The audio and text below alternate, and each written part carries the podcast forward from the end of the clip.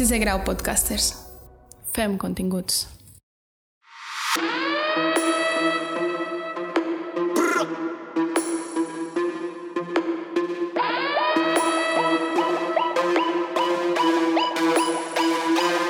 Paraules clau.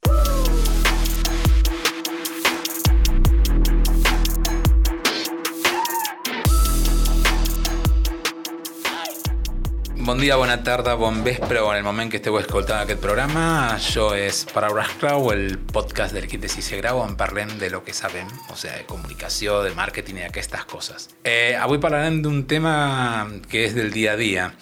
Instagram des de fa un temps, des de fa un parell d'anys, en la plataforma obligatòria per les petites marques, sobretot, intentar competir amb, amb les grans o de guanyar el seu espai en, en internet.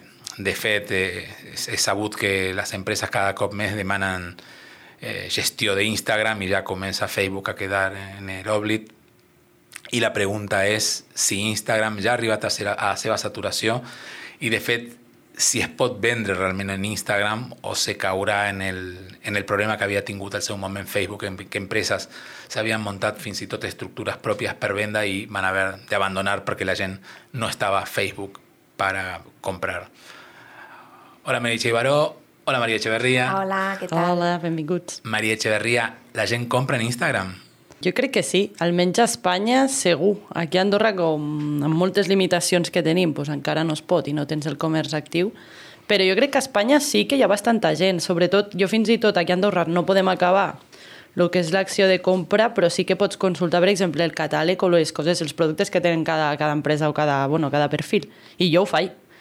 Sí, que també. si, si pogués acabar la compra, si ho acabaria fent des d'Insta, doncs probablement sí.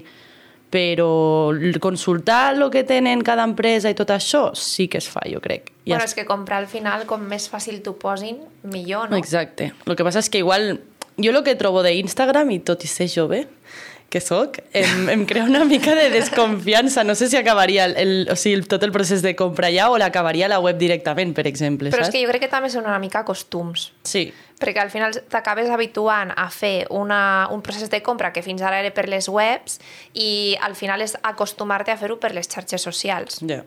Yo recuerdo que en una época en Facebook, que es lo que comentaba Vance, eh, grandes empresas como Delta Airlines o Gap, era en aquella época en que en Facebook se podía tot embeber i frames, o sea, tú podías montar la teva plataforma i van haver de baixar-se del burro perquè van descobrir que la gent no estava per comprar, sinó que la gent estava a Facebook, que en aquella època era la dominant, per fer safareig, simplement. I la gent no estava per la Ja. compra. Però bueno, els temps canvien, no? Clar, pero entonces sea, Mica, lo, lo, lo que decía María, fins a quin punt no, no te asabentas, yo también utilizo, yo ya, ya no estoy en el perfil tan jove, pero sí que me informo por Instagram, pero acabo en las webs. Ja, Entonces el, el dubte és aquí. Tu, Mary, compres en Instagram? Jo comprar en Instagram no ho he fet perquè de les marques que jo segueixo, cap té habilitat el tema de comprar en Instagram. Totes tenen el pas aquest de que des d'Instagram te'n vas a la web per comprar a la web. Val? Llavors, no he comprat mai per Instagram, però sí que gràcies a Instagram i a veure el catàleg de shopping, sí que he anat a webs a comprar. Jo igual. O sigui que el pas aquest, o sea, vos el feu servir, com el faig servir jo, eh, la plataforma, la red social, como difusora, como informadora, i a partir Exacte. d'aquí continueu. Com el Exacte. catàleg. Clar. Sí. A veure, a mi em passa també com a tu, Maria. Eh, de vegades no sé si estic tan segur d'acabar la compra en Instagram o d'entrar ja a, a posar targes de crèdit i aquestes Jo igual, informacions, exacte. no? O sea, uno està, ja està més acostumat, sobretot, a pagar per PayPal i entrar en, en, en passareres de pago. I això que treballa amb això, no? O sea, Mm. la, la persona, la, la meva mare, imagina't, si, si no treballa amb això, el, el pànic que li pot donar posar la tarja en Instagram. Bé, però al final també és, si no tens cap més alternativa i tu vols una cosa que només es ve per Instagram, posaràs la tarja. Clar, està, està També clar. de vegades ens trobem amb aquesta situació de o caixa o faixa, no? Ja. Sí. Eh, de fet, ara, no, no sé si tu has llegit la, la, les noves normatives o, o el que estan marcant ara de quins productes es poden vendre en aquells països que tinguin shopping. Sí. Sí, mare meva, és, és una mica complicat, eh? Mm, Primer de tot, per exemple, serveis no es poden vendre. És a dir, si nosaltres, per exemple, volem vendre una formació, això ja no és acceptable. Però és que no només això, és que arriba fins a extrems mm, com que no pots vendre, per exemple, peix, carn o ous. El, el tema es que finalmente el Meta, la, la, la gran empresa Meta, lo que está creando es el propio ecosistema comercial, entonces, clar, t'evita per tot el mitjan que tu puguis vendre per les teves. Entonces, ells lo que marquen és la, la, les normes i procediments. Però és que eh, jo ho trobo ridícul, sobretot amb els serveis. És a dir, una empresa que ven serveis, què vol dir? Que no ha d'estar a Instagram perquè no pot promocionar-ho? Doncs, per exemple, tu no pots vendre un forfet d'esquí. Clar, és, és lo que t'empunyen és Sí, sí, a sí. que entris en la seva plataforma i segurament hauràs de, quan això estigui ben aceitat, hauràs de deixar una, una corresponent comissió y ahí está en el negocio. Entonces, este, lo que te donan ahora es, ahora, pero ahora Instagram es un aparador gigante y global, pero a la hora de rascar la buchaca te dirán o pasas por aquí y me dejas una comisión o mira, ¿sabes qué? Búscate la vida. Claro, passes per caixa, com tu. Exacte. La, la pregunta es, como un gran aparador, ¿dinamita como abans? Porque Instagram está cambiando a pasos gegants i estan entrant nous formats. Jo Sí. crec que no. Jo crec que cada cop costa més, tenir més likes, tenir més seguidors. I et penalitza també em, seguir a molta gent de cop, per exemple. Tens un màxim, crec, de 30 persones per dia ara ja, que no et deixa seguir a més gent. Si no, et bloqueja. Després, per tema promocionar, ara ja han pujat abans el mínim d'inversió per dia era un euro, ara ja són dos euros, per tenir algo de repercussió. Està És el canviant molt. 100%, eh? Sí, sí. Està canviant molt. I bé, eh, també doncs, ara és inevitable veure si ets usuari d'Instagram eh, doncs, l'auge del, dels vídeos que ja mm, directament per ells han passat tot a ser Reels. Exacte. Val? Ja no es diferencia entre reels o vídeos normals, tots són reels, sigui, sigui, el, sigui el que sigui el que publiques, i eh, el que està fent Instagram és aquest nou algoritme en què eh, doncs, promou l'ús de vídeos, no? de vídeos o de reels, com li diu ell, per això, no? una mica doncs, per, per combatre l'efecte TikTok. Exacte. Llavors, què T'anava a dir. passa? Que per lo que va néixer Instagram, que era una xarxa social de fotos, en què els fotògrafs, sobretot, doncs, eh, tenien allí el seu espai, doncs ara què, què passa amb aquestes fotografies? Doncs que tenen menys repercussió que eh, vídeos creats en format Reels i que a més incorporen música que la música doncs, fa viralitzar una mica els vídeos. I què ens passa a Andorra? Doncs que la música està bastant bloquejada, està començant a deixar-se utilitzar, però està bloquejada també. Llavors, és un hàndicap també en aquest sentit en, en el que és obtenir resultats positius, no? perquè t'obliguen d'una manera a fer vídeos amb música, però de l'altra banda no et deixen posar música o no te la deixen escoltar. Sí. Exacte. Llavors això també és una cosa que, que, per, que perjudica aquesta repercussió de les publicacions, no? Sí, El totalment. vídeo de que la música sigue tan protagonista y que las músicas enten que las pot pujar tú, ¿no? O es una galería tancada. Les pots, eh, tu pots crear un vídeo i posar-li una música associada, llavors el teu àudio és àudio original. ¿Y, el, y els drets com funcionen? És que és aquí, eh, per això a Andorra no et deixen escoltar o publicar amb música, perquè tot depèn dels drets de les cançons i per això les cançons que et deixen posar aquí són superlimitades. Porque entenc, María, que en TikTok, que va a ser la que va a inventar el, la moguda aquesta, no tens cançons lliures. Sí que tens. Tu Ah, a o sigui- TikTok, és que jo és lo que, trobo, lo que flipo d'Instagram, que et bloquegi músiques després. Fan els Reels, que jo trobo que és una copiada de TikTok. Perquè Ho és. Que ho és, ho és, Claro. sí, clar, ho és. Ha pujat, perquè el TikTok m'ha sigut un èxit total i ho han copiat amb els Reels. Però el bo de TikTok és que no tens músiques bloquejades. Tu pots utilitzar les que et doni la gana. O sea, tu pujas el MP3 Clar, la cosa és, tu TikTok sí, pots fer el que vulguis. Què passa? Que si ho vols compartir després a Instagram, sí que Instagram t'ho bloqueja. Clar, perquè tenen diferent criteri. Però clar, jo com a drets. Instagram penso, hosti, estàs fent que la gent se'n vagi a TikTok, que poden utilitzar totes les músiques que els Sí. hi doni la gana. Claro, Tik- Sí, TikTok de alguna manera ara és el Instagram de fa tres anys. Sí. O sea, se ha convertit en el, Sí, sí. en el model en què tothom està copiant. Jo crec que sí. I és el que deia la Mary, ara què està tirant més? Què dinamitza més? Vídeos amb música i coses ràpides. TikTok què és? Vídeos amb música ràpid. Tu fas scroll, pum, pum, vas baixant, super ràpid. És contingut ràpid. I Jo no, jo no sé si vosaltres penseu que és un error o no per part d'Instagram que hagi volgut promoure tant el tema dels vídeos, sobretot tenint en compte el factor aquest de, dels drets d'autor, no? Mm. Eh, al final, si a tu t'estan penalitzant perquè pu publiques fotos, perquè ets fotògraf, i ara volen que publiquis eh, vídeos però amb limitacions, és, és bo o és dolent? Vull dir, és perjudicial Sí, o no per la imatge d'Instagram? Perquè al final, què fas, no? Sí, Yo creo que es perjudicial, Yo también, sí. yo creo que es perjudicial. A mí me pasa en particular, y parlo como usuario, no, no como profesional, es que cada cop mes el muro, el timeline, me resulta més aliè, perquè com que han posat per davant els Reels, Mm. Eh, començo a trobar-me Reels de gent que jo no segueixo, és que mai he tingut interès Sí. en, en seguir. Jo igual. I m'estan Això- un darrere l'altre. Això és algo que estan també intentant reconduir amb l'algoritme i estan intentant doncs, que al final tu puguis també seleccionar qui vols veure i qui no, però sí que és veritat que com que és un nou algoritme, doncs al principi era molt aleatori, bueno, basant-se una mica en TikTok, no? Sí, També. sí. Ara la gran pregunta, perquè el vídeo, perquè això sí que afecta a les empreses, el vídeo és més difícil de produir que una foto. O sea, una, una, una foto més o menys eh, potable la pots fer amb el mòbil, la, la fa, si no qualsevol, està clar que un fotògraf és un fotògraf i un aficionat és un aficionat, però el vídeo és molt més complex. Eh, això no retalla les possibilitats de les empreses d'autoproduir-se? A veure, el vídeo és complex, depèn de lo que vulguis fer. Igual com una foto és complexa, depèn de lo que vulguis fer.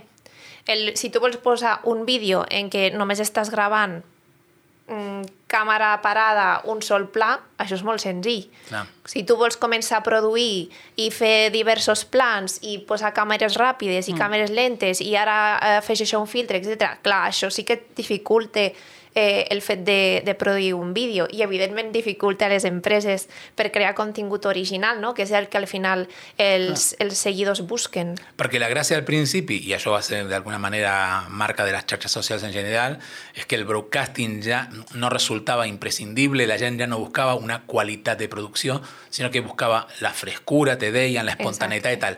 Pa- està clar que la gent comença a buscar qualitat un altre cop i la gent comença a exigir que no sigui un vídeo cutre salchichero, en la qual cosa l'empresa ja no pot jugar-se-la a fer una cosa fresca i espontània.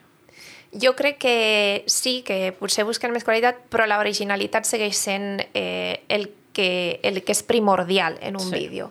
Eh, estigui més ben fet o pitjor fet. Sí. Però la idea original, que la gent vulgui eh, copiar, diguéssim, entre cometes, i, i fer el mateix, això és el que tira. Això és el que et converteix en tendència. I a més, al final, ara, amb, amb els mòbils, la qualitat de càmeres és fàcil fer un vídeo, al final. Brutal. Amb la qual has de fer algo diferent que enganchi als teus usuaris. Exacte. Y aquí es donde viene lo complicado. De, venga. Exacte. O sigui que, en definitiva, les petites marques, si se buscan la vida bé, encara podrien conservar aquella il·lusió que tenien al principi de les xarxes socials, perquè quan van néixer les xarxes socials, la idea era que tu i Coca-Cola estava en igualtat de condicions. A- Allò que ja el mitjà tradicional no te podia garantir, perquè mentre tu podies permetre'te un anunci de 200 euros, te venia una gran empresa i te posava 10.000 euros, eh, tu aquí estaves en el famós poso un euro, que lo que deies, no? que Sí. sí. s'ha duplicat. Eh, se conserva això encara o penseu, com moltes empreses se queixen de que en tema de muscle i el tema de pressupost torna a tenir valor? Jo crec que el tema del pressupost ara ja no... Sí que juga, evidentment, perquè, perquè sempre jugarà, Mm. però també hi ha altres... Eh, hi ha petites empreses que poden destacar creant eh, un contingut super... Innovador, eh, super exacte. creatiu, sí. Innovador i creatiu. Aquí entra el factor creativitat i el factor temps, val? perquè és el que diem, fer un vídeo amb càmera posada així mm, sense moure i una persona parlant o ensenyant unes sabates, doncs no té cap tipus de- d'originalitat. Però si tu fas algo realment original, ensenyant unes sabates, currant el vídeo, fent transicions, etc, aquí sí que pot ser que, que arribis a tenir una repercussió més alta o equiparable a la de les grans empreses. És que al final és intentar viralitzar el teu contingut. Sí, fent algo diferent per destacar. Eh, un factor més i això de, de converses que he tingut amb, amb agències de fora d'Andorra és el famós tema dels influencers, no? I aquí la, una pregunta en dos preguntes, a veure que, quina visió teniu vosaltres. Eh, a Espanya, almenys, eh, les petites empreses o les empreses mitjanes, quan necessiten tirar d'un influencer, ja directament li deixen a l'influencer que, entre cometes, faci el que vulgui.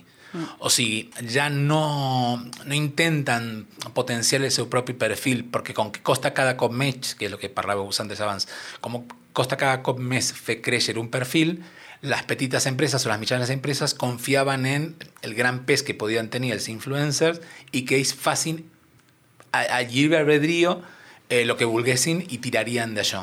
La pregunta és, per vosaltres, és tan intel·ligent deixar-le producte en mans d'un influencer? Bueno, és que jo crec que l'influencer té la seva personalitat dintre les xarxes i els seguidors el segueixen Ai. perquè tenen aquesta personalitat i aquesta manera de fer. Si tu li imposes a un influencer, escolta, jo no vull que facis aquesta línia, vull que facis la meva línia, deixa de confiar en aquest influencer perquè si no s'adequa a les teves perspectives, doncs vés-te'n a treballar amb un altre. El que tu has de fer com a marca, per mi, és trobar un influencer que s'adequi al- a la teva imatge, però tu no pots fer que l'influencer canvi la seva imatge per tu perquè després els seguidors estan acostumats o els hi agrada una imatge en concret d'aquest influencer i al final, eh, si, si tu fas que canvi només per tu, es notarà molt no? que, que és publicitat encoberta, diguéssim. Sí. Però i si, i si, imagina't, vale? Imagina't que aquest, aquest influencer té molts seguidors Sí. o és superfamós. Vale. Tu, encara que no fos del teu estil, de la teva marca o que no seguis, li diries que no, encara que l'influencer digués que sí que està... que ho vol fer. Com, com? Que Sí, per que no? exemple, tu al final busques que la teva marca o de roba, fiquem, sigui coneguda. Tu contactes amb un influencer, que tu ja veus que no és de l'estil de la teva roba, de la teva marca de roba, Sí. però saps que té molts seguidors, Sí. molts. I l'influencer està disposat a participar amb tu, a fer la col·laboració i tal. Tu li diries que no aquest influencer perquè creus que no és de l'estil de la teva... Home, si, si de veritat el seu públic és públic potencial per la meva empresa, segurament no li diria no, no vull que ho facis al teu estil, saps? Però tot depèn de la imatge que acabi donant. Tampoc vull que embruti la meva imatge de ja, marca. brutal, no, però per exemple, si tu, exemple, mm, és un influencer que... La teva marca és de roba pija, fiquem, saps? Cayetanitos, que és el que diuen ara. Així, doncs, Sí, la paraula de moda. Bueno, no cal que sigui d'un lloc concret, però pijillos, ¿vale? I, I l'influencer és, va més rotllo traper, així, amb roba mm. ampla, amb pantalons més cagats, tal, no Sí. sé què. No és. Realment el públic d'aquest influencer no serà... Però llavors jo crec que la marca tampoc voldria barrejar estils, no? Es a que yo dir- creo que el debate que está planteado la María es el debate que ya existía en las michas tradicionales. Es, ¿prefereix yo tirar a un mitjà que té un, un gran abast a tot públic per fer Wow, una mina de sí. branding o prefereixo tirarme a un espai molt més reduït que sigui segmentat? Ja, però la cosa que és, si... Pues perquè aquest és un cas super extrem, trobo, Sí. no? O sigui, estem fent que una marca que és de gent mm, pija, mm. ¿vale? eh, sigui promocionada per una persona que no té per res aquest estil i que els seus seguidors són susceptibles a no tenir per res aquest estil. Per lo tant, de veritat és rentable per la marca eh, pagar-li a aquest influencer que no té res a veure i que segurament els seus seguidors no compraran mai aquest producte perquè no s'adequa al seu estil. Saps què vull dir? Sí. No, no sé. sé. Jo, jo, ho que no veig, sé. jo ho veig en aquest sentit que s'ha d'analitzar potser en aquesta vessant de, per part de les marques. Vull dir, vale, és super, super exitós, super famós, però els seus seguidors de veritat m'acabaran comprant a mi o només serà un moment eh, estel·lar en què la meva marca estigui allà? És que no ho sé, jo amb això dels influencers ho veig de que els seguidors, ho veig sobretot amb, amb tema youtubers i tot això, són bobos. O sigui, pel simple fet de que el seu ídol ho porti, jo crec que els és igual fins i tot si els hi queda bé o no. I que ho comprarien, t'ho juro, ho veig així. Per això, per això dic que encara que no sigui el seu estil, igual... A, a veure, que si parlem del món, online, el món offline, eh, Custo Barcelona va fer-se famós perquè un dia en una entrevista Madonna tenia una samarreta de Custo Barcelona i era una botiga de aquí de Tremp. És que per I això- de cop i volta va transformar-se. I tots els fans de, de Madonna Sí, segur que... La influència existeix des de que existeix la Sí, publicitat. clar. la pregunta justament és fins a quin punt tu pots deixar en mans de l'influencer que porti la teva marca? Perquè aquí a nosaltres ens ha passat a l'agència adonar-te'n que el seguidor segueix a l'influencer, no a la marca. Exacte. Entonces, l'acció que tu puguis fer a l'influencer és, un, és una acció tàctica, no és una acció estratègica, no te durarà. O sea, és lo que és i ahí se acaba. Entonces, per vosaltres, apostaríeu, recomanaríeu a, a apostar per deixar la marca en mans d'un influencer que demà deixarà d'utilitzar la marca?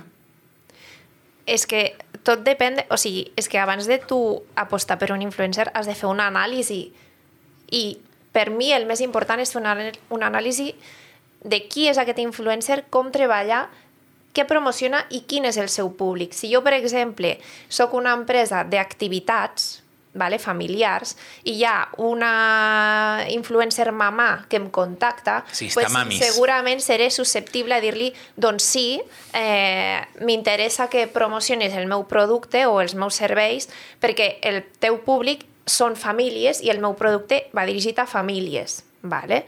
Llavors, eh, el que jo li podria dir com a marca seria això sí, jo et deixo lliurement que tu promocionis amb el teu estil, però el que jo et requereixo és que em facis tanta quantitat de publicacions, tanta quantitat de stories, etc. Això és el que jo faria. Ara parlem de la segmentació dins de la segmentació. I aquí a Andorra serveixen els influencers? Perquè estem parlant d'un mercat molt petit quan està segmentat un mercat petit. Maria, No, vols és parlar? que no sabria què dir-te. O sigui, Però influencers d'Andorra vol dir o influencers locals. de fora? No, influencers locals. O sea, existeix aquí en un mercat de 75.000 habitants, dels quals compradors seran 45.000, si eliminem els nens. Eh, serveix fer accions d'influencers? O A és mi- un mercat molt petit per segmentar tant? A veure, el, el, la gent d'Andorra segueix a influencers, això està claríssim. Vale? Tothom segueix algú. El que no et sabria dir és si han de ser influencers d'aquí. Saps què et vull dir?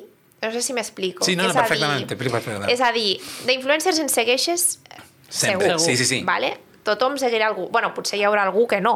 Vale? No, no, no, Però- a- a- abans que es diguessin influencers, tu segueixes persones que fan tendència. Poden ser esportistes, poden ser eh, Polítics. presentadors de tele, Sí, sí, poden polítics. ser polítics, poden ser, o poden ser simplement persones que promocionen marques, que serien el que ara es diu Influencers. influencers, Sí. no? Vale.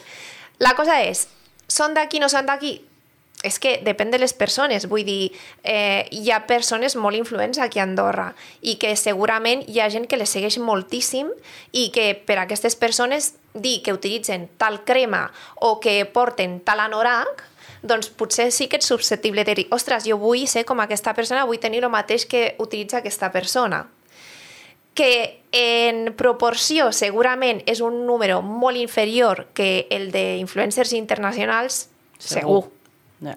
Però no significa que no hi puguis creure en els influencers d'aquí. No, al cap i a la fi, tu fas en proporció, ¿no? El, el influencer internacional també te cobra uns pressupostos internacionals i el d'aquí en principi haurien de ser locals, però la base seria local, ¿no? Entonces, el, el meu dubte és, se, se recomanaria a una empresa local que faci una acció amb influencers locals? Jo crec que sí. Depèn de l'empresa i depèn de l'influencer. Jo apostaria que sí. I més aquí a Andorra, que és un país poble, que ens coneixem tots. I no sé, a part de que tu segurament ja coneixeràs l'empresa, o encara que sigui nova, acabaràs coneixent, o si ja veus que algú d'Andorra t'està parlant d'aquesta empresa o d'aquest producte, jo crec que la curiositat com a andorrans o de la gent que visqui aquí, o anirà a veure, o mirarà on està la botiga, la marca, de què tracta, tal, no sé què. Jo crec que sí. Una pregunta sortint del tema dels influencers, que és una cosa que nosaltres aquí en l'agència hem parlat més d'un cop. Eh, quan tu estàs a les xarxes socials en general, i a Instagram en particular, perquè estem parlant d'Instagram, tu estàs en un espai que no és propi mm. i jugues en les regles del joc d'aquest espai. Tornem sí. al principi quan parlàvem uh -huh. de les dificultats que tens per vendre. Està el tema de les penalitzacions dels segrestos de pàgines mm. i de quan te inhabiliten directament un, un perfil. Entonces el debat és una petita empresa, que és com les empreses d'aquí d'Andorra i les empreses aquí del voltant, o sea, fins a arribar a les grans ciutats, normalment el que són són pimes. La aposta seria fer, des de, fer una bona pàgina web o una web ben estructurada i donar-te suport en les xarxes socials o fer com algunes empreses d'apostar directament per vendre i convertir Instagram en la teva web. Jo voto per les dues coses. es pot o no? Sí que es pot. Sí, Aquí tot seria- es pot. El que la cosa és que si ho deixes tot en, en mans d'una web, diguem, com generes visites a la web a més de fer publicitat SEM, que és molt cara, vale? bueno, per les petites empreses, Eh, sí, sí, sí, eh? clar. I si ho deixes tot en mans de les xarxes socials, què passa? Que és un espai de lloguer, val? Llavors, tu és susceptible de que un dia et diguin no, has fet una mala praxis i et quedes sense xarxes socials. I què fas? No tens web després, val? Mm. Llavors, què passa? Mm, Diran les empreses, ostres, però és que jo tinc les meves xarxes i no vull que em treguin de les xarxes i jo només vull utilitzar xarxes socials. Vale? Però el que han de tenir en compte les empreses, que moltes vegades no tenen en compte, és que és això, és que és un espai de lloguer. Alié, sí. és a dir, teu. no és teu. Eh, potser no pagaràs per estar allà, però és a dir, econòmicament, eh? Sí. encara que idealment hauries d'invertir en publicitat per, perquè Arribar fossi més, sí. més fructífer el, Mm. el teu negoci en xarxes socials. Però bé, eh, si de cop Instagram o Facebook o la xarxa social que sigui decideix que tu eh, estàs fent un ús inadequat de les xarxes o pel que sigui decideix eliminar-te el perfil, tu et quedes sense perfil i no pots fer res més. I a més, no tindràs web al costat per poder seguir promocionant ni que sigui amb comunicació SEM. Exactament, perquè havia un temps en què les pe- mini empreses o microempreses deien directament, jo no necessito web, jo directament el que em poso és un bon perfil d'Instagram i els meus propis seguidors començaran a fer rodar. De fet, no direm noms, però aquí a Andorra hi ha un parell de botigues de roba d'un peu mig alt que directament la seva pàgina web està l'adreça i deixa de comptar i amb prou feines un formulari i tota la càrrega promocional o tota la càrrega publicitària està en Instagram. És una, una política intel·ligent? Jo crec que no, per lo que estàs dient tu. Sí, Al cap i a la fi, el pelo estàs posant en un espai que no és teu. Tu, Maria, què Exacte. penses? Jo estic mm, totalment d'acord amb la Mary. De que te la jugues, a que t'eliminin, per exemple, Instagram i què? Què fas? Et quedes allà sense res si no tens web. Ho has de tornar a començar tot de zero, perquè Exacte. que et retornin el compte d'Instagram és complicat, no? El següent. És pràcticament impossible. No sé si algú dels escoltes han passat per aquest tràngol, però és molt complicat, si no quasi impossible que te tornin un, un compte inhabilitat. I el pitjor de tot és que mai no saps per què. Perquè, bueno, també per, per alguna banda té lògica, no? És és una empresa de 1.500 milions d'usuaris que imagina que no poden donar resposta. Però jo personalment, i, i parlo a títol personal, en el cas d'Instagram, eh, jo, per exemple, jo soc usuari de fa molts anys d'Apple, i jo em sento un consumidor maltractat per la marca, perquè la marca me maltracta, me posa les seves condicions, i bueno, Però, però, segueixes comprant. però segueixo a dir, comprant. Clar, en Instagram tinc la sensació que el mateix. Ara Meta, o sea, té un poder tan bèstia que maltracta als usuaris i te diu, mira, aquí és el que tens, no t'agrada, ja està, ja pots marxar. Sí. I ha aconseguit, gràcies a nosaltres, un, una posició pràcticament monopòlica que fa de que no puguis decidir. Sí, et Entonces- mana ella tu. Et, di, Exacte. et diu que publica. Exacte. Final, para, para acabar, recomanacions de la vostra banda, que són les que esteu més ahí en el camp de batalla de les xarxes socials. Instagram com a eina promociona publicitària. Sí, Sí. Bueno, Instagram sí, evidentment, per promocionar... Amb inversió. Però no únicament Instagram. Eh, tenir altres xarxes socials també per arribar a altres públics i també pàgines web, perquè al final eh, hi ha gent que no utilitza xarxes socials i que potser et busque per Google. Mm. Llavors és important tenir també una pàgina web ben posicionada a nivell de SEO. Exacte. Maria?